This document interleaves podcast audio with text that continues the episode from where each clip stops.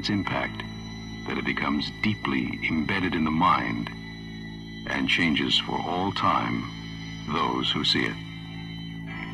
We think The Psychic is such a film.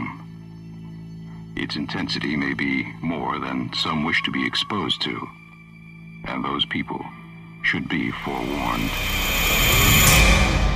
From beyond. Då säger jag välkommen till den 48 upplagan av From Beyonds podcast. Du behöver inte se tveksam ut, för det stämmer att det är Ja. 48. Jag har det skrivit själv, så jag är mycket väl medveten. Jag är bara mer lite tagen av siffran, att nu börjar vi närma oss 50 här. Det känns Ja. lite svettigt. Lite, Svettigt. lite, lite prestationsångest känner jag bör, bör, bör få. Nu måste jag prestera på hög nivå här. Ja. Ehm, Vi får börja med den nu. Ja, nej, det har jag, har jag all, all, alltid gjort, men eh, jag måste fortsätta leverera. Ehm, det här avsnittet är ju något som kanske egentligen borde ha kommit tidigare, kan man tycka. Överraskande att det kommer så sent, ja. Ja, eh, vi har pratat om, vi har pratat om eh, nunnesnusk och vi har pratat om kannibaler och ja, vi har pratat om eh, Albert, vi har, ägnat ett avsnitt åt Albert Pune, men vi har inte pratat så kallade spaghetti-thrillers. Nej. Eller Giallo. giallos då, som man kan. I den italienska thriller-genren, eller vad man nu ska säga, att det är. Vi har pratat om uh, Four Flies on Grey Velvet när vi såg Mm. den. Eh, har vi pratat om någon annan Giallo? Ja, jag tror någon, någon Magisk i biodagen podd har ägnats åt någon enstaka, men inte, inte ett helt avsnitt ägnat. Nej. Du som har läst filmvetenskap, Rickard, jag, jag passar den här bollen till dig. Förklara, vad är en Giallo? Alltså, när jag läste filmvetenskap kan jag inte säga att det pratade så mycket om Nej, direkt. Du vet, du, du kan grejer om film, så nu vill jag Ja. att du, att du berättar. Eh, ja, men alltså, alltså det, det vi ska prata om det är ju italienska typ, thrillers från 60-70-talet. Det var väl då den, den genren Giallo var populär. Liksom. Mm.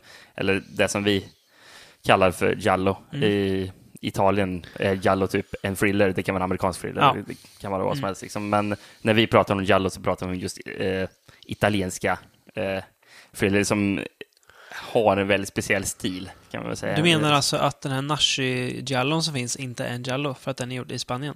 Alltså, det, Nu satte jag det på pottan. Eh, alltså jag vet Tänkte inte jag riktigt säga. hur man Nej, kan... jag skojar. Nej, men eh, det är väl en, det är lite, det är en lite lurig definition och det är... Anledningen till att jag, att jag passade den el, elaka bollen till dig var ju att jag ville att jag skulle bli svettig, för det går väl inte riktigt att definiera vad en giallo är. Var kommer eh, namnet från då, David? Det kommer från de här gamla pocketböckerna som gås ut i Italien med gula ryggar, thrillers. Precis, Eh, det kunde vara... Billiga pulpnoveller. Ja, det, Ja. Alltså, I början var det väl typ Agatha Christie och Edgar Ja. Wallace och Ja. liknande författare som Mm. fick den här gula ryggen. Mm. Eh, och sen eh, började det göras liknande litteratur i Italien också. Mm. Och, det fortsatte liksom den trenden att man hade det, den gula. Att Och, och därför Giallo som betyder gul då, blev ju... Ernesto Gastaldi som har varit med och skrivit en del Giallo, eh, för, främst för Sergio Martino tror jag, han började som författare. Mm. Som Giallo-författare då. Om jag inte minns fel. Så att, eh, ja. Ehm, nej, men det jag menar med att det är en svår genre att här, definiera eller bestämma, ja, det här är en Giallo, det är för att jag vet att vissa filmer, i alla fall en, två kanske, de vi ska nämna idag, skulle ju många kunna säga emot att nej, men det där är ingen Giallo, därför att eh, den här klassiska definitionen har varit att det är ett mordmysterium där mördaren oftast har svarta handskar på sig. Ja, ofta maskerad. Vi vet inte vem det är. Precis. Eller att vi inte ser eh, Ja, an- precis. ansiktet bara. Mm. Ehm, men eh, alltså för mig och många andra så är väl begreppet bredare än så. Att det kan, handla- alltså det kan vara liksom utpressningsthriller eller ganska ha... Alltså det handlar ofta mycket om om, eh, om psykologiska saker, att, det, att huvudpersonen eller mördaren har, alltså att man dealar med dens psykologiska besvär. Mm. Eh, och att storyn får drivas fram av det. Sen så är ju huvudpersonen sällan, eh, så kallas det, eh, det- det är sällan den som egentligen är, är drabbad av, av morden, utan det är en person som kommer in lite så här, Mm. råkar komma in i situationen och bara oj, här är det någonting som händer. Liksom. Ja, så- ofta är ju, som vi kan ju ta uh, Burberry to Crystal Plumage som exempel, där huvudpersonen är vittne Mm. och kommer in så. Det är Ja, men ganska precis, vanligt. precis en sån här typisk Ja. grej med, att det råkar liksom Mm. trampa in i. Eh, eh, så- därför är det ju fördelaktigt. Är det typ två av de här som det är en som skriver, eh, som skriver för en tidning Ja, som är hu huvudroll, liksom, lyckas trampa in på det Mm. spåret. Liksom. och det är ju är sällan, om vi nu pratar mordgiallo, att det är huvudpersonen som är polis, utan att Det är ju någon sidokaraktär som är polis. Ja. finns väl undantagsfall där också, men ja, så det, det går väl inte riktigt att bestämma. Alltså det, det är som att det, det blir någon slags enat konsensus Mm. av en grupp eh, oklara människor att Ja, ja, jo men det här är en giallo. Eller ja, och sen så kanske vissa vänder sig emot det. Men det finns, det, alltså det finns det. väldigt mycket man kan plocka ut och eh, som många av filmerna har gemensamt. Mm. Eh, sen så st- stilmässigt så är det ju många som har gemensamt att det är rätt så eh, Alltså de leker väldigt mycket med, mycket med kameravinklar, zoom, Mm. zoomningar. Eh, Mm. Kameran zoomar ut och in liksom. Mm. Och det är lite okonventionellt sätt att filma eh, på, eh, Mm. kan man säga. Eh, ja, men det finns mycket. Eh, men det som är roligt med de här filmerna är valt ut att vissa är väldigt... Att det kanske inte är det man först skulle kalla för en giallo.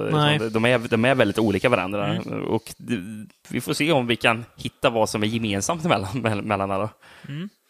Om, vi, om vi nu kan det. Om vi kan det. Vi kan försöka i alla fall. Eh, Jag tänkte vi kör eh, för enkelhetens skull, så kör vi de här i kronologisk ordning. Mm. Jag styr Ja, det är som, som det är, vanligt skutan. rätt så logiskt med tanke på vilken film vi ska börja Ja. prata om. Eh, vi ska börja med att prata om Mario Bava, som väl ofta är den regissör som får cred för att han skapade Giallo-genren med eh, The Girl Who Knew Too Much som kom 1960. Okay. John Saxon är en av rollerna i det. Jaså? Ja. Den har inte jag sett. Nej, minns den väl som uh, rätt halvdan. Eh, jag är ju, nu kommer jag ju få många hatmail mot mig här. Eh, jag är inte övertygad om Mario, om Mario Bavas storhet. Jag har väl aldrig riktigt varit där tror jag. Jag har alltid liksom velat se det där som alla andra ser. Det här briljanta, fantastiska, mästerliga. Ehm, men ja, ja, alltså jag har ofta tyckt att det är mycket yta, mindre innehåll. Precis. Att han är extremt duktig tekniker, men inte så duktig storyteller om man ska säga. Nej, precis. Alltså, det ser fint ut, men det smakar inte så jättemycket. Nej, liksom. precis. Det är precis fin yta, men inte så mycket under. Eh, vi ska inte prata om The in New Much, utan vi ska prata om Blood and Black Lace från, Från- 1964. Mm. Eh, det handlar om en, eh, en regnig och ruskig natt. Ja. Eh, en kvinna eh, försvinner och hittas död. Eh, filmen utspelar sig på en, någon slags Modell... eh, ja, modellhus har jag skrivit, Ja. men alltså ett hus där det bor massa modeller och eh, alltså, ja, men något modehus som heter Christian, tror jag. Ja, Ja, jag, jag, Mm. jag tror det. Ehm, det, det, det står någonting haute couture eh, Ja. Christian på Ja. skylten. så det är något mo- mode, modeföretag där det bor massa modeller och folk. Ja. Ehm, och när polisen börjar uh, rota i det här då, så märker man ju att det är saker och ting står ju... Det är något lurt med det här stället. Det är, folk säger inte riktigt vad, hur, hur, hur det ligger till och folk eh, ja, håller om varandras ryggar och berättar inte så mycket. Ehm, sen hittar man eh, den mördades dagbok. Och när det händer så... Ja, det blir en uppenbar risk att mycket av de här hemligheterna som de håller kommer ju sippra upp till ytan och det är, finns tydligt att det är vissa som inte vill det, eller någon som inte vill det. Nej.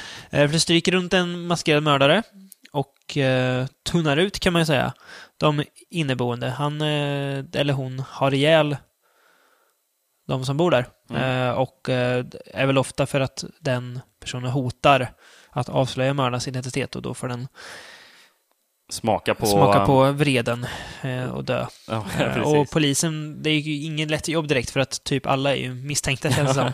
Det är många fula fiskar som simmar i den här lilla sjön. Ja, precis. Eh, Det är väldigt spekt- spektakulärt mordvapen i den här filmen. Ja, ett av dem i alla fall. ja, ett Ja. i alla fall eh, som, Mm. som mördaren har, har med sig. En Någon slags slags handske. handske som är typ tre klor Ja. på som, som man slår in i ansiktet. Det är ju en. det i en annan också. Uh, Walks at Midnight tror Ja, jag. ja, Han har ja, ett jag- sånt jag tror det den. också. jag. Ehm, ja. Något liknande verktyg. Ehm, ja. Alltså Blood and Black Lace dras ju av det där Bava-problemet tycker jag. Alltså den är jättesnygg, den är vansinnigt snygg. Det här, är, det här är tredje gången jag ser den och Mm. jag är fortfarande inte övertygad. Nej. Eh, Alltså Arrows Blu-ray, uh, Arrow är ju utan Blu-ray. eh, som vi kollade på precis Ja, innan. ser ju fantastisk ut. Eh, det är ju en, sån dröm, en drömrestaurering. Men det finns liksom inte så mycket bakom det att backa upp. Det känns som att Bava är mer intresserad av hur det ser ut än eh, vad som faktiskt finns inuti på något vis. Så det är, alltså jag slutar typ bry mig för att jag, jag saknar en tydlig röd tråd som driver berättandet framåt på ett Mm. engagerande sätt. Det, fin, det finns inget som jag håller mig fast vid. Inget liksom Nej, alltså, mysterium, utan folk dör. Ja, jag vet inte riktigt varför, för att det är något lurt. Ja, men vad, för, vad är lurt? Jag, jag, jag, man får aldrig riktigt Mm. grepp ja, om det. Precis. Jag bryr mig inte heller riktigt om vad, som händer i filmen. Utan Nej. det är bara, ibland är det jävligt snyggt att kolla på den, men... Nej, lite Jag skulle musik. säga att det alltid är snyggt att kolla jo, på. Ja. Precis, ja, ja det är all, allt som oftast, ja. Och det är rätt så bra musik också. Men eh, for- fortfarande själva eh, mordgåtan och eh, alltså motivet bakom det. Alltså, Ja. det, är, det, det, det, är ing, det, är inte intressant. Liksom. jag tycker det känns lite som att, att uh, Giallo-genren inte är riktigt färdig här. Nej. Den är liksom på gång. Eh, och visst, ja, man kan se att, att Dario Argento har inspirerats väldigt mycket av Bava, hur det ser ut sådär. Men Argento har ju förfinat det hela också. Mm. Eh, visst, Bava var först, men han gjorde inte bäst för det. Eh, så jag, ja, nej, det, alltså det känns... Det känns ganska tom, rent Mm. innehållsmässigt. Och att, den, att jag, jag tappar intresset någonstans och slutar liksom engagera mig i vad som händer för att det är, jag vet inte riktigt vad det är som händer. Det är lite otydligt Ja. vad, alltså, vad det är som driver storyn framåt, tyvärr.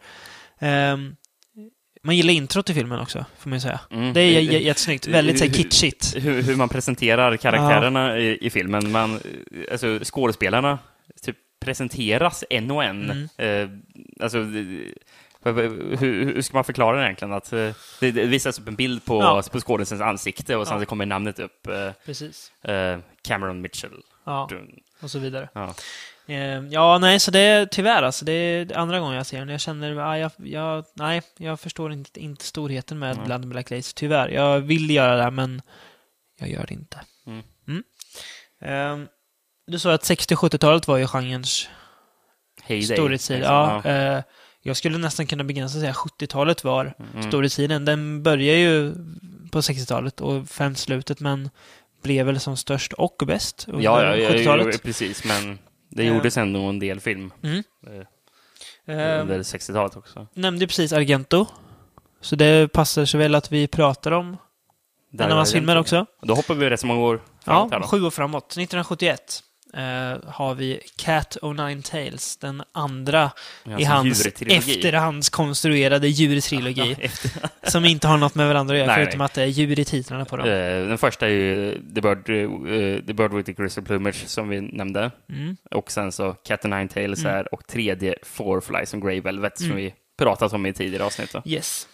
Ehm, och, Jag kan väl bara, bara jump the gun direkt och säga att Bird with the Crystal Plumage, den första filmen, är ju den bästa av dem. Men ja, ja, ta handlingen så Ja. kommer vi till det sen. yes. Uh, Cat and Tails. Uh, huvudpersonen, i alla fall inledningsvis, är en blind korsordsbyggare. Det är fascinerande. Ja. Eh, han, han är ute och går med sin typ systerdotter eller någonting.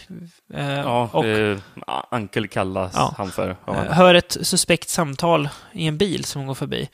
Eh, och blir ganska kort efter det vittne till ett överfall. Alltså han hör överfallet då.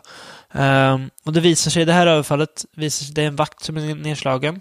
För det visar sig ha ett, med ett inbrott på ett laboratorium att göra, där man studerar genteknik och DNA och sånt där. Mm. Och mycket topphemliga experiment får vi veta. Eh, Men ingenting, man upptäcker inte att något har blivit stulet liksom, så man förstår, jaha, varför blir det in- det ingen som har tagit någonting. Ehm, eh, En av forskarna på det här stället, de, eh, han ska möta, han ska träffa någon på en tågstation för att dela hemligheter. Mm. Men då blir han mördad istället och det här mordet fastnar på foto. Då dras en journalist in i, i det hela. Och han och korsordsbyggaren, de slår sina påsar ihop och börjar nysta det här. Eh, och när den här fotografen sen hittas mördad så eh, förstår de ju att de är något lurt på Ja, spåren. verkligen. och att mördaren hela tiden är ett steg framför, alltså före de vet vad de vet och vad de ska göra. Liksom. Så det är, ja, det är svårt för dem att komma vidare. Mm.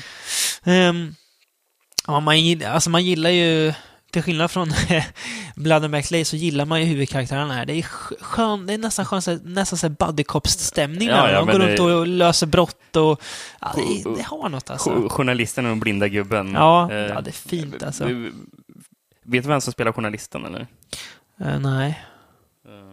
Nej, jag, vet- jag, jag, för- eftersom jag vet att Carl, Carl Malden spelar eh, Ja. blinde gubben som tydligen är någon Actors Studio-tränad Jaha. person Ja, ja. Som, som tydligen var lärare åt Marlon Brando på Actors Studio. fan, det ser man. Ja. Ehm, eh, Så eh, där har jag inte varit fan av Carl Ma- Malden. ja, och och så fick han jobba med honom. Precis, Det var tydligen där är Rentos farsa som var över i USA. Salvatore Ja, Argento. så- Ja. som var över där och övert- övertygade Carl Malden Ja. om att han skulle vara med i filmen. Mm. Ehm, Eller är det Salvatore som är farsan? Är han Det vet jag inte. Jag- Nej, det är, någon, det är ju en filmfamilj, Argento-familjen. ja. Det är ju kul att, att, han, eh, att han låter han, Carl Mollen spela en blind korsordsskapare. Eh, jag, jag, först, jag, jag förstår inte riktigt de här scenerna när, när han bygger korsordet, om det är typ blindskrift på eller någonting. Det är ganska otydligt, men det Jag vet inte hur det fungerar. Nej, jag har ingen aning. Men han gör det i alla fall och han verkar väl kunna livnära sig på det. Mm. Eh, inledningsvis, det är lite skum relation mellan den här li- lilla flickan och, och korsordsgubben tycker jag. Eh, förstärks bara när han, när han säger repliken We're more than father and daughter. Och jag vet inte riktigt, jaha, va? Så det ska du inte säga. Och att de kallar varandra för Cookie och Biscuits tror Ja, jag. just det. Ja. Det säger, ja, eh, jaha, okej. Ja, nej, jag vet inte. Och, och så flickan får någon frågan, var, var, varför kallar du honom för, för, för cookie för? Jo, för att, att jag gillar kakor som är indränkt i choklad. Så här, jaha, okej. Men vad har du tänkt? Va? Nej, alltså, jag vet inte. Det är lite så här Jag vet inte. Alltså, ja.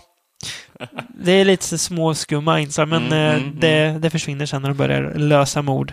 Men du pratade om att eh, det här första mordet, eh, mannen som blir knuffad framför ett tåg. Mm. Det är jävligt snygg scen här. Mm. Eh, Man får ju se när, Grovt- när tåget grovt, träffar, eh, träffar den, den, den stackars mannen också. Ja. Det, ja. Ehm, ja, det, är- det är fascinerande. Mm. Och Det, och det är ju sånt typiskt att eh, Dario Argento har spektakulära ja, dödsscener. liksom. precis. Det är- Där kameran Mm. typ blir en jätteaktiv åskådare typ. Mm. Ehm, vad tycker du om Morricones soundtrack då? Nej, det är väldigt bra. Ja, Det- alltså det är ju, det är ju Morricone, Det är- ja, så det är ju precis. väldigt bra. Det är ju, ja, man blir golvad direkt så fort Mhm. filmen börjar vara herregud vad bra det här är. Det, det, det är någon bas som håller på och rullar i den Mm. här dum, dum, dum, som är jäv, jävligt snygg. Mm. Eh, ehm. Men eh, tempomässigt så har den ju sina problem den här filmen. Ja, nu, nu, nu hänger vi ut vår kära kollega Kristoffer det, det här gör vi ju alltid. Ja, men vi måste bara... Han sa att filmen var perfekt tempomässigt. Det vore kul att höra hur han, hur han tycker det. Den är ju 1,50 lång ungefär. Eh, Den är ju lite för lång. Ja, den är lite, den blir lite, lite seg faktiskt emellanåt. Den blir lite långdragen. Och det, alltså jag har ju svårt för det här, den här humorn som Argento Mm. envisades så med att ta in i sina filmer i början. Eh, de funkar i små doser, men det är nästan som att här blir det för mycket för att det är typ sånt som fyller ut filmen. Mm. Och det är kul här och där. Det är ju jätteroligt den här karaktären G, Gigi the Loser. Gigi the Loser, En ja. sån här dålig inbrottstjuv som de jobbar med. Och sånt, så- sånt gillar jag. Det fin, finns en ännu bättre karaktär i Burberry Crystal Plumage när de ska intervjua någon. Och han avslutar alltid sina meningar med bye. För det är- en av så här talfel han har. Det är så Ja. jätte, jätte, han är jätteduktig på att skriva så små konstiga sidokaraktärer. Argento. Ja, ja. Ehm, Och sen så i Burberry Crystal Plummer kör ju mannen som heter Katter. Ja, just det. Ja. det är- ja, Mario Adorf spelar honom. ja, det är fascinerande. Eh, litar du på de vetenskapliga in, inslagen i den här filmen? Då? Men den här Ja, ja. XY-genen, Tror du på det? som är modgenen, Ja, som det. ju i princip säger att allting som har med, med psykologi att göra är bullshit. Det finns ingenting som säger att, att om du växer upp under dåliga förhållanden så blir du mördare för att Nej. det har med dina gener att göra. Jag har bara med den här genen. Ja, Liksom, ja. Alltså, jag vet inte hur mycket agenter har byggt det på någon sorts forskning eller om det bara är svimmelsvammel. Det har jag inte Ja, undersökt nej, närmare. nej. Men det är, det är kul. Jag gillar ju pseudovetenskap när det, när Ja. det kommer i film. Ehm, Ehm, jag, alltså jag tycker ju att Bird har också lite att mysteriet fram alltså, som byggs upp under filmen är bättre än upplösningen. För ett väldigt hastigt slut är det. Det är bara Ja. typ, här är mördaren, det händer det och sen så är det slut. Typ. Det, går, alltså, det går på ett par minuter bara så är det slut. Det är, mördaren bara kastas in och ja, men det, det, jag vet inte, det är lite så halv, halvsvag förklaring. Alltså det har ju väldigt mycket med saker man har nämnt i filmen, men det är fortfarande lite så här, ja, här är mördaren och den är mördare därför att det där, jaha, okej, och så slut, typ. Eh, men det är jättefin slutscen. Ja, Alltså eh, sista scenen är riktigt också så här, Ar- Menar Ja. dödsscenen? Ja. som- ja. Argento gör riktigt bra igen.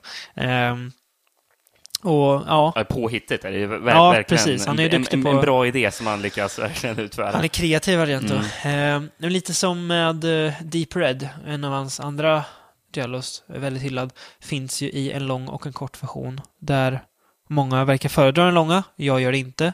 Den är två timmar den långa, den korta är en och en halv.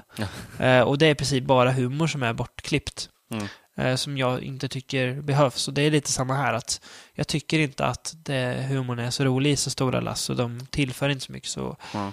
det är väl det som drar ner filmen. Men annars, den, eh, ja, den är inte, inte riktigt lika snygg som mycket annat Argento har gjort.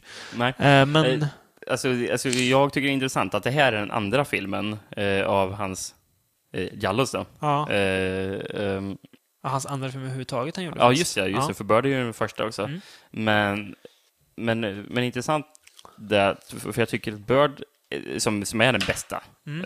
eh, helt klart tycker jag. Eh, men att den känns också mest sån här tekniskt fulländad också. Bird, ja. Ja, Mm. alltså den är snyggare. Den är, det, det känns som, alltså, alltså, det känns som att den logiskt sett borde vara den tredje, för det, för, för, för, för, det känns som en mer full- fullfjädrad eh, eh, regissör bakom den. Mm. Än de, eh, Kan de ju två ha lite att göra med att han jobbar med Vittorio Storaro, som ju filmar Apocalypse Now sen. Mm. eh, filmar Fifth Chord och Ja. Footprints också, som vi ska Aha, ja. pra- prata om sen. Eh, extremt duktig fo- fotograf. Eh, Um, men, men, men, men tydligen så är ju Kat Darius den, den, den han gillar minst av de Ja. här tre filmerna. Mm. Eh, Så, så, så, så, han är inte så mycket, över för den heller. Nej. Han har tydligen varit väldigt influerad av amerikansk film. ja, det Så, märks. och, och, eh, men, och, och just nu så, eh, som, som jag såg en intervju efter jag kollade på, på här, så, så, efter, efter, efter jag kollade på Blu-ray så var det en intervju som var med honom. Och då pratade han om att han tycker att den här känns för amerikansk, Ja, okej. den här filmen. Mm. Eh, jag vet inte riktigt vad han menar med att den känns amerikansk, men Nej. ja. Ja, ja, ja. Nej, men det är en, en, stabil Ar- Argento-rulle som är ganska kul Mm. faktiskt, eh, i ett lagom doser. Eh, vi, vi fortsätter på 1971 eh, och beger oss till Prag. till Prag. Ja. Short Night of the Glass Dolls. Off eh, Glass Dolls tror jag som att den heter. Jag tror inte både och. Okej, Finns ja, båda. det- Eh, My- mycket möjligt. Regisserad av Aldo Lado, som även har gjort Who Saw Her Die och Night Train Train Murders. Eh, Fin regissör. Eh, Mycket bra. Lite eh, oomtalad ibland kan jag tycka, så jag vill lyfta, vill flagga för honom lite. Men det är kul. Ja. Eh, Short Night of Glass Dolls handlar om en man som hittas till synes död i en park av en typ, ja, parkvaktmästare eller någonting. Och en person som inte har några ben. Vi, vi, ska, vi, ska- vi, vi, ska va? prata om han sen, Rickard. Jag har, jag har skrivit upp honom här. Eh, I själva verket då, den här mannen som hittas, han är vid liv, men han är typ, hans kropp är försatt i ett tillstånd där han, Han är- ser död ut. Han är skendöd. Ja, precis. Eh, hjärtat slår inte och han har ingen puls och eh, det, man märker inga andetag, men man, ja, han lever hur de nu har tänkt det. Men ja, Ja. så är det i alla fall. Um, alltså han är liksom fången i sin egen kropp. Och inledningsvis har han svårt att minnas vem han är och hur han har hamnat där han är. Eh, men så börjar han känna igen saker i sin omgivning och minnena börjar dyka upp. Så filmen är ju uppbyggd, alltså det är ju jag har skrivit längre ner att eh, flashbacks får en ny innebörd. För det är ju nästan bara flashbacks Ja, i filmen. ja. Att storyn byggs upp så, så får vi veta hur han hamnar där. Ja, En majoritet av filmen är ju flashbacks. Mm. Så han försöker ju liksom minnas vad som har hänt honom och samtidigt försöka liksom, ja, ska man säga, väcka sin egen kropp så att han förstår att han är inte död. Eh, och det vi får veta är att hans flickvän försvinner spårlöst en kväll. Uh, och när han börjar nysta i hennes försvinnande så upptäcker han att det är flickor som har försvunnit tidigare under så här konstiga omständigheter i Prag. Eh, uh, men det är ingen som riktigt vill, vill prata med honom om det heller. Uh, han får tag i en, är det en blind man? Mm det är någon äldre herre. Jo, han, han är blind. Han är blind, ja. Eh, men det är ju tydligt att det är någon eller några som inte vill att han ska Nej. nysta i det här. Det är ju någon slags konspiration bakom Ja, detta. precis. Ganska stora saker bakom. Mm. Ja, killen i parken, ja. Han har någon slags rullbräda som han, han, han åker på. Eh, ja, han är bara med så här, typ två, tre sekunder. Men en Det jävla är så mäktig konstigt kille. inslag här. Ja. Liksom. Ja, skön har jag skrivit. Han, han, Ja. men han, han, han kommer och typ lite nyfiken, typ. Ja, men precis. Ja. Där, sån här killen som hittar liket. Mm. Eller liket säger jag med, med, med, med haröron. Uh, uh, han eh, eh, så står och kollar på kroppen, sen kommer den här, den här mannen med rullbrädan Mm. och, han, och han ropar mannen, man med rullbrädan. Vad kollar du på? Ja. Ja. det är inte jag som mördade honom. Just jag, springer, jag springer och ropar på polisen. Stanna kvar här. Ja, ja. ja, det är mäktigt. Ehm, den är ju, alltså den är ruskigt snygg också den här. Eh, väldigt bra musik också. Är det Morricone igen eller? Jag tror Jag det. tror Jag är inte säker. Jag Men tror, eh, jag, jag tror fasen det är Morricone. Eh, jag också, tycker- jäv, också jävligt snygga miljöer. Ja, det är den det. filmen. Riktigt fint är det. Jag tycker att alltså, den har ett väldigt eget och intressant berättargrepp. Att den väljer att... att alltså, det, det kan... Det kanske låter att det är så att man gör det enkelt för sig, men det, det funkar jäkligt bra. Ja, ja, men det Eh, eftersom att när, för att ibland hoppar ju filmen tillbaka till han när han ligger där skedad Mm. och det, han ligger inte på samma ställe hela tiden utan han flyttas ju runt och så att det är ju två parallella berättelser nästan Mm. och det blir spännande på två håll. Som jag tycker funkar bra.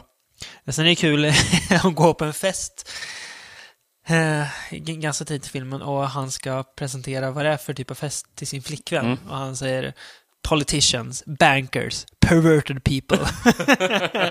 det är dek dekadent folk, rikt och dekadent folk som, som eh, samlas där. Eh, Vet du vem som spelar huvud, huvudrollen? Eh, Jean Sorel. Jean Sorel. okej. Ja, jag Mm. vet inte vad han har gjort annars, men...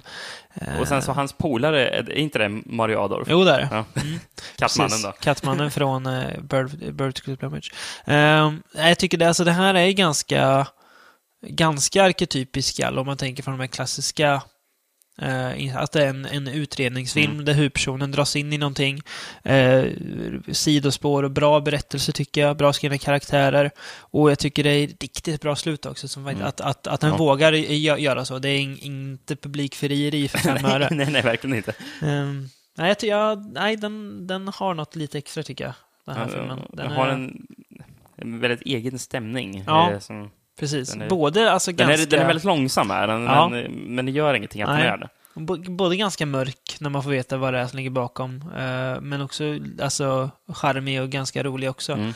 Bra, det är bra låt också som kommer mitt i och när en, en hippie som sitter och sj- sjunger en låt om, om fjärilar på ett torg i Prag där. Det är någon, tydligen någon med tysk sångare. Jaha. finns ett kommentatorspår med honom på Blu-ray till och med. Det är nischat är Ja, det. det. Verkligen. Ja. Eh, Släppt när av blir- eh, Camera Obscura. Är det tysk bolag? ja? Eh, ja, Mm. precis. Så, ja. Absolut sevärd. Ja, ja men Mm. det, det tycker vi verkligen. Riktigt bra. Eh, vi rör oss vidare, Ja. eller? Ja. Eh, går några år framåt. 1974. Eh, en ny bekantskap för oss båda den här filmen. Också släpper Blu-ray av Camera Obscura. Eh, The Killer Reserved Nine Seats heter den. Jättebra titel. Ja, Det är som, eh, verkligen. som många Jallos har. Det är mer regel än undantag Ja, att de har det.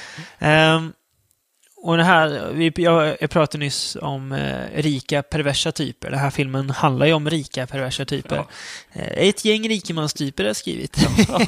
jag visste inte riktigt hur jag skulle definiera Ja, dem. men det är ju värt det. Eh, De åker till en teater som ägs av eh, en av dem. Eh, De har varit på fest får vi veta. Eh, Och så drar de vidare Mm. till en teater. Eh, Den här teatern har stått övergiven i väldigt många. Jag tror de att det har inte spelats en föreställning på hundra år där eller någonting. Mm. Ehm, Det Och- hände ju någonting för hundra år sedan också. Ja, precis. Något mystiskt. Och vi ser ju ganska tidigt att, att det är mycket motsättningar i den här gruppen. Det är folk som har varit ihop med varandra. Det är triangeldraman och det är ja, fula, riktigt fula fiskar är det. Ja, de här motsättningarna kommer fram ganska fort och det blir knappast bättre när en av dem utsätts för ett mordförsök och alla börjar misstänka varandra. Mm. Eh, och sen så blir ju en mördad också, Ja. eh, under väldigt konstiga omständigheter. Hon spelar upp slutscenen i Romeo och Julia på scenen. Och eh, alltså det är nästan som, Eh, som en typ- sån här freak accident så får hon en kniv i ryggen. Mm. Så man lutar sig mot kniven. Jag vet inte. Eh, Det... Som hon har ju en kniv som först ska, Ja. en låtsaskniv hon ska Ja. sticka sig själv med, men och sen så typ låtsas dör. Ja, Men när hon låtsas dör så ser man, nej, hon dör ju på riktigt. ja, Eh, och då, då undrar jag vad är det som händer? ja, precis. Ja, nej, så det är lite märkligt. Men, och det är Jeanette Ågren där som Mm. dör där först i början. Inte jättestor spoiler, för det händer ganska tidigt. Tyvärr så är det hon som Mm. Ja, dör. Det är synd. Man- Precis, det är ju den karaktären man vill ska vara kvar. Ja, precis. Det är kul med lite svenskt. Ehm, och de ser ju någon i mask fly från mordscenen då. Eh, och upptäcker väl att de upptäcker att de har blivit inlåsta och att alla befinner sig egentligen i fara eftersom ingen vet vem som ligger bakom det så länge mördaren går fri, vem det nu kan vara. Du pratade om miljöer precis eh, i Short Night. Mm. Ja, det här är också jättebra miljöer. Eh, tycker jag. Ja, alltså jag tycker inte de utnyttjas till fullo. Ja, jag tycker det. Ja. Mycket, så hem, mycket så hemliga gångar och Ja, utrymmen jo, som de ja, men- kryper ja, in i och och sig, ja, men letar det- sig runt i. Det är rätt och, och Ja. att den, alltså, jag köper att det är en så gammal teater. Kanske inte att den är så övergiven i hundra år, för den är väldigt välskött. Men Ja. eh, att det är en gammal teater som inte används så mycket, det Mm. köper Ja, jag. men- ja, jag- men ja, men det köper jag det blir, det blir s- stämningsfullt. Ehm, håller du med om att han, snubben med medaljongen, att han har, har ockultist-aura? Du, du, du, menar han med den där jackan som Ja. kommer lite då och då, som Ja. de pratar om. The man in the narrow jacket. Ja. som det står. Jag vet inte vad narrow jacket Nej, är, men ja, men- men, ockultist, ja, Ja. verkligen. Ja, eller hur? Sa han det? Golden Dawn-aura. Jag tycker de reagerar väldigt tafatt på att det är en okänd person som håller på och stryker omkring där inne. Fast han, han hänger med dem in ju, från början. Ja, just det. Ja, Ja. ja. men de vet ju inte vem han är. Nej. För de kallar ju honom bara The Man in the Ja. Jacket, så de vet ju inte riktigt vem han är. Nej, han är ju men- egentligen okänd för dem. Men han, var- han var med på, på festen Ja, och hänger men med dem. Det är, väl han, det är väl han som vill att de ska dit, tror jag. Ja. Och han stryker ju bara omkring. Ja. Och eh, han, han, syns ju knappt av. Nej. Och, och sen så är det ju att det är en mördare. Det är någon som håller på och ska döda varandra. De misstänker inte riktigt honom. Jo, det gör de. Ja, Jo, det tycker jag. ska väl säga. Nej, det, jag skulle, de gör det. De säger ja, det är han den där jäveln, han vill döda oss. Det är Så några- misstänker varandra jävligt mycket också. Ja, men det är för att, att de är så orimliga människor. De är jätteorimliga i den här filmen, kan jag säga. Det är ju in, de är inte sympatiska direkt. Eh, väldigt mycket, mycket intrigmakande Mm. med ja, folk ska lura varandra och backstabba varandra hela tiden. Jag- skulle nog säga att vissa karaktärer är lite korkade faktiskt. Ja, ja. I hur de agerar. Lite som i, i, i en slasherfilm nästan. Ja, eh, precis. Det, var någonting jag tänkte. Som, eh, som man brukar säga ofta att eh, Jallo eh, vet ni, influerade slasherfilmerna. Ja. Eh, och det, det här känns ju väldigt mycket som en slasher egentligen, en, en slags proto-slasher. Eh, ett gäng dumma personer har tagit sig Ja. in på en plats och dör en och en. Ja. Alltså, eh, vad ska vi säga, Agatha Christie slasher. Ja, typ. Eh, den är också, precis som Cat, så är den lite för lång. mm. Eh, och slutet är ju inte jättebra. Alltså, jag, typ, jag fattar knappt vad som hände. nej, alltså, jag vet inte riktigt vem, vem, vem mördaren var. Alltså, Så jag här- vet inte, var det något övernaturligt de försökte Jag slänga in vet där? inte. Eh, Oklart. Vi, vi säger inget mer om Nej. slutet så att vi inte säger för mycket nu. Men, nej. nej, men lite oklart. Men eh, i övrigt en ganska stabil whodunit har jag skrivit. ja, jag tycker att den, den faller lite på att de, de är nästan lite för dumma karaktärer. Är de, Det är, eh, det är charmigt ju. och den är su- superslisig är den. Ja, superslisig inte Ja, säga. men- Den är lagom slisig. Ja, varenda, varenda, varenda kvinna som eh, blir attackerad ska ju först klä av sig. Ska de göra. Ja, Ja, ja, ja. ja. ja. Är det någon kv- kvinnlig skådespelare i den här filmen som inte klär av sig Men någon Rickard, gång? du vet att alltså... Vissa gör det flera gånger. Ja, men du kan säga superslisig när det finns filmer som Strip Nude for a Killer och Dynamic Ripper. Då det här är ganska tam ändå. Ja, ja jag, jag tycker att det, Ja. alltså, alltså, jag kände det i alla fall för att den var så dum. Liksom. Fast Sleaze har ju ingen dött av. nej, Eller, nej, alltså, förutom inte i den här riktigt- filmen då, men... Men, ja, Nej, jag, jag tycker alltså den, eh, det är ju absolut inte bland det bästa i genren och inte det första Nej. man ska ge sig in på. Men eh, har man vant sig och sett ett par, ett par sådana här så kallade gulingar så kan man ju ge sig in på Killer Reserve 9 Seats. Jättefin Blu-ray är det i alla Mm. fall. Eh, Jag tror det är lite extra material på den också. Jag vet inte vad, jag har inte tittat på något men... eh, vad, vad, vad tycker du förresten om Mördarens mask? Den är, den är är, häftig. den är frän. Ja, den är Ja. så ful så den, Lite- alltså, jag, jag gillar den. Jag. Ser det ut som i, lite som i uh, Terror Train. Det Typ. ser ut som att man har dubbla ögonbryn. Ja, ja De, det är de är så där. buskiga. de. Ja, det är fränt är det. Lite såhär tecknat. i det. Ja. Eh, ska vi ta en jättekort paus bara innan vi Det, det kan vi göra. kommer in på den, de tre sista filmerna vi ska Mm. prata om?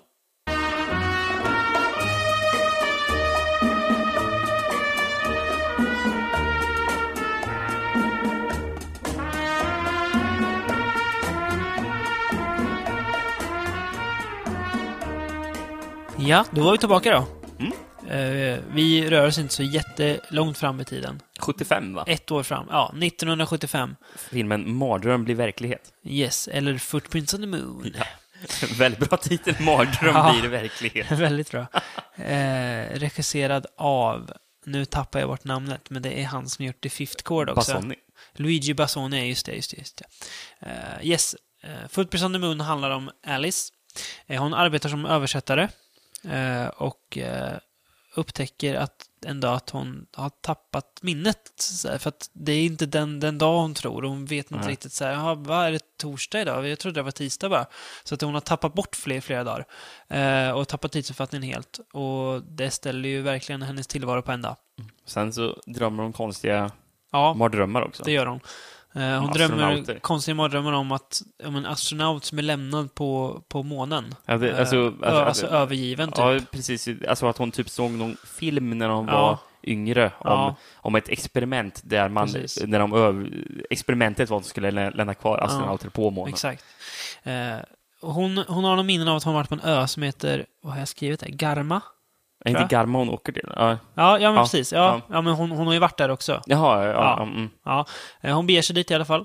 För att reda ut mysteriet med hennes minne. Eh, för att hon har hittat ett, ett, ett postkort därifrån som är eh, sönd, sönderrivet. Så hon, Mm. jaha, vad är det här för något? Och väl där så hon blir ju igenkänd av många, men hon känner inte igen dem själv. Och hon blir Nej. kallad för ett annat namn, vad hon egentligen heter. Och ju längre hon är på ön så upptäcker hon att hon har något förflutet där. Som, det är någonting som har hänt där, men hon, Mm. hon vet inte riktigt vad.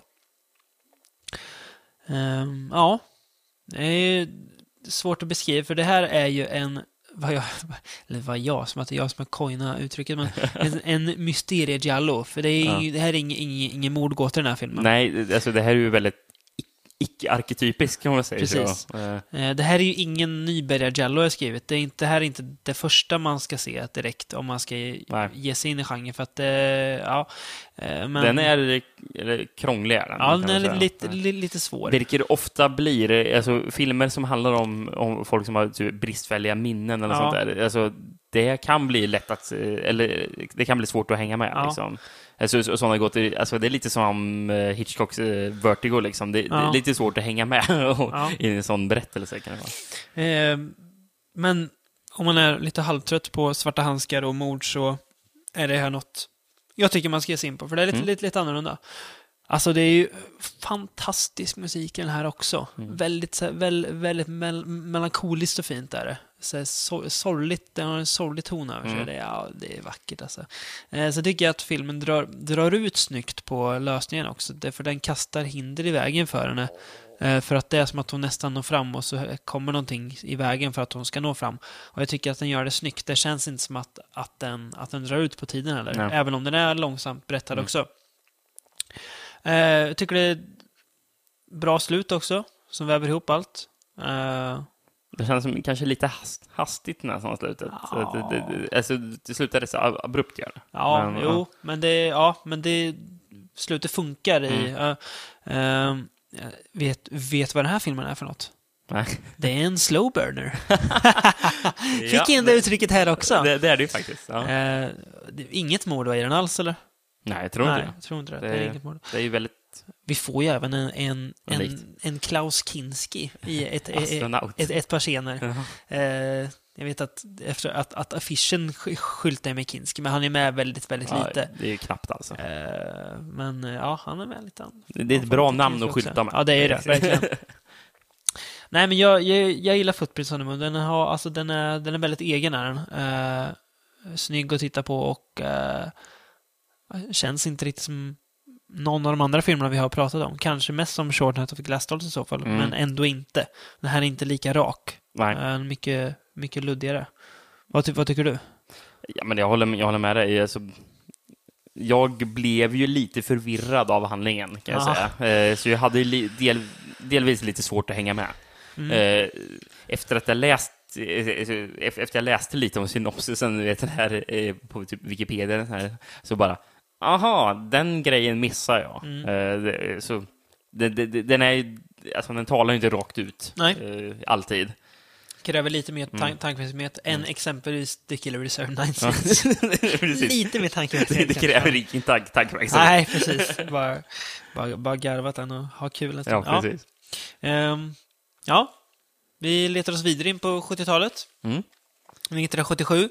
Till Lucio Fulci. Ja, Fulci-film. The Psychic. Eller Seven. Seven Notes in Black. Eller Murder to the Tune of the Seven Black Notes.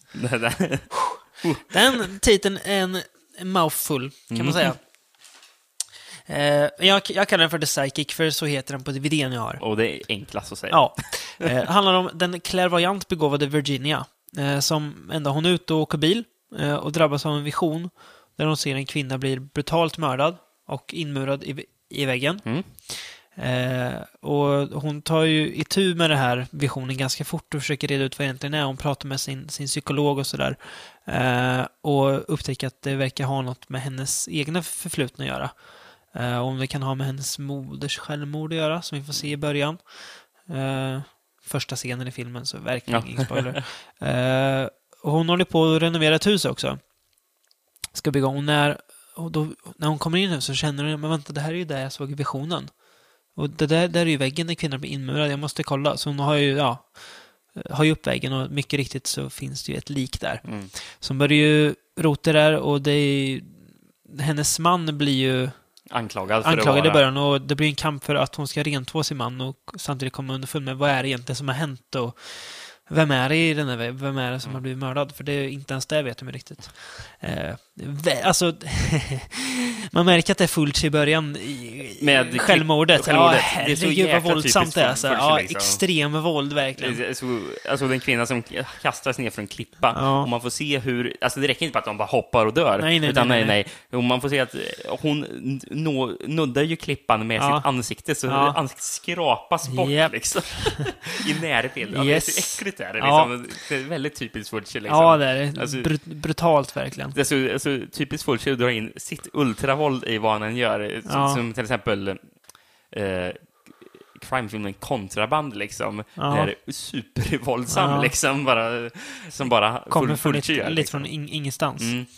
Ehm, ett, ett intressant mordmysterium. eh, Mer fokus på själva utredandet än på mord, för det är inte så, in, inte så många mord. Mm. Men jag gillar att man, att man ger, man ger huv, huvudrollen väldigt stor, s- stort rum. Mm. Att hon får driva alltså, väldigt mycket själv. Det är inte så många andra karaktärer som har så stor betydelse i filmen. Det är så Eh, intressant med den där ö- övernaturliga touchen med Ja. att hon eh, typ Och att- ser syner. Att det som- faktiskt är övernaturliga inslag också. Mm. Det är ing, Ja, det- inget, inget som liksom förklaras bort med nej men eh, hon var, hon var galen och hon såg bara det där. Nej, men precis. För, för, för ofta då det är övernaturliga inslag i en Jallo så är det ju att det finns en naturlig förklaring. Ja, liksom, precis. Att, men, men med det här är det ju faktiskt Ja. att hon, hon är närsynsk. de Liksom. funkar bra med det övriga. Mm. Alltså med det här med, med nyktra berättarna, om man ska säga. Och det blir ju en del i mysteriet att hon har de här synerna. Som, Ja. Hon har ju syner, fast hon har inte liksom hela sanningen bakom Nej. dem. Så hon, bara, hon, hon har sett att det är ett lik, men hon vet inte vem liket är Nej, eller varför precis. liket är där. Exakt.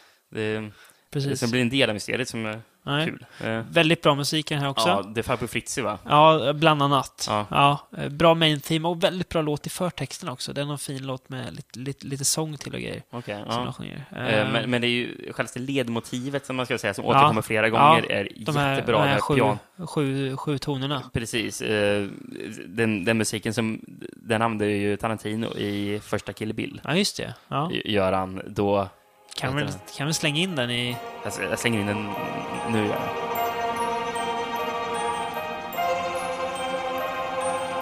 Ehm, ehm, då- han Buck Ja, eh, på, på sjukhuset. Det är typ när hon slår, slår hans huvud i, i dörren. Ja, då, då, då, då är det den här musiken. Ja. Liksom. Eh, håller du med om att det är en väldigt Edgar Allan Poe avslutning på filmen? Det känns väldigt, väldigt Poe. Mm. Eh, Väldigt men knyter ihop bittert. hela. Ja, precis. Men ändå verkar som lyckligt. ja. Typ. Eh, knyter ihop det hela bra utan att bli, öv- att bli övertydligt, Mm. tycker jag. En Mm. stabil, inte Fulcis bästa Giallo som Tarantino säger på citatet till DVDn. verkligen inte... Tar- Eller uh, Fulcis bästa är ju Don't Torture Duckling. Ja, tycker jag också. Jag gillar New, New Creeper mer än den här också. Det var så och, länge sedan jag såg och New York jag kan- Perversion Story. Ja, Perversion Story har jag inte sett, Nej. men eh, ehm, Eh, New Cripper måste jag se om, för det var Ja. väldigt länge sedan jag såg den. Där har du en, en sleazy ja. Är den, ja. Jag kan hålla med att den är sleazy. Där, där lyser Fulcis berömda kvinnohat igenom också, ordentligt. Berömda. Satan alltså. Vilken arg film. Ja. Eh, tänkte du på i början på filmen då, då, då, då hon kom då, då, kom, då, hon, då hon anländer till huset och det, är en, och det är en gubbe som ska visa runt henne i, huset och vi- vi- visa alla rum och sådär. Ja. Och, och, och, hon, och han pratar ju om hennes man då. Ja. Han bara, och han pratar, han skrävlar så jävla mycket när han pratar om huset. Som han pratar, ja det var här han tog, tog sina kvinnor.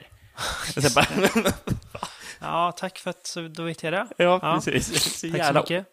för mycket information. Det, han, han är too much information när Ja, han går omkring och pratar. Ja, nej, men det, den, är- den är kul, Psychic. Eh, också ganska långsam. Mm, Ja. ja. Ingen jätte... Stämningsfull. Ja. Jag gillar den. Vi har inte Och, pratat... och det, det här är andra gången jag ser. Första gången gillar jag den inte alls. Nej, så det, det var länge sedan. Då, ja, var du, väldigt länge då sedan. var du ung och, och, och pretentiös gymnasieelev. ja, precis. Eh, vi har inte pratat så jättemycket snabba filmer idag, men eh, nu knackar det ju på dörren och eh, Jesus Francos st- steg in och nu vrider vi upp tempot ordentligt. Ja. För om det är någonstans där det kommer fula fiskar ifrån så är det från Akasawa. Akasawa, För vi vet ju att the devil came from Akasawa. Eller, Der Teufel kam aus Akasawa. Yes. 1971 slängde han ihop den här saliga röran. Jesus Franco, vår älskade. Okej, jag drar handlingen då. Mm, Försöker så gott jag kan. En mineral blir stulen från en utgrävning i en, i en grotta. Eh, och tjuven blir skjuten då, eh, och tvingas hamna på sjukhusbädden. Och när den tjuven ligger där så blir stenen stulen igen av någon. Eh, och det har försvunnit en forskare som har jobbat med den här mineralen. Eh, hans brorson åker till Akasawa då, som vi tror är i Afrika någonstans. Ja, det är ett påhittat land Ja. tydligen, eller Eh, ställe. För han vill ta reda på vad som har hänt med sin morbror. Eh, och där blir han indragen i en, en härva, kan man ju minst sagt säga, med spioner och Secret Service-agenter och grejer. Och allt verkar kretsa kring den här mineraler som vi får veta har väldigt speciella krafter. Mm. Den kan ju förvandla sten till guld under, under rätt om, omständigheter, som de säger. Vi, vi, får, vi får inte veta vilka omständigheter det är och vi, vi får aldrig se det hända, men vi får veta att den kan göra det. Ja, det enda vi får se är att folk dör när de Ja, kommer i kontakt med den. ja. Mineralen. ja det här är ju en eh, mer eller mindre förvirrad film. Eh, vi ja, eh, vi, vi, alltså vi kan ju bara säga direkt att det, det här är ju inte en Gallo, Nej. eh, som, som vi pratade om, Eh, men det är väl någorlunda besläktat. Som, den faller ju kanske in under eh, genren krimi, Ja. även fast det här kanske är lite mer Precis. spionaktigt än vanlig krimi är. Ja. Eh, Men krimi var en populär genre i början på 60-talet i Ja. Tyskland. Precis. Som också baserades på deckare, Ja. därav Edgar Wallace, Ja. den tror brittisk Som författare. har, har gjort den här.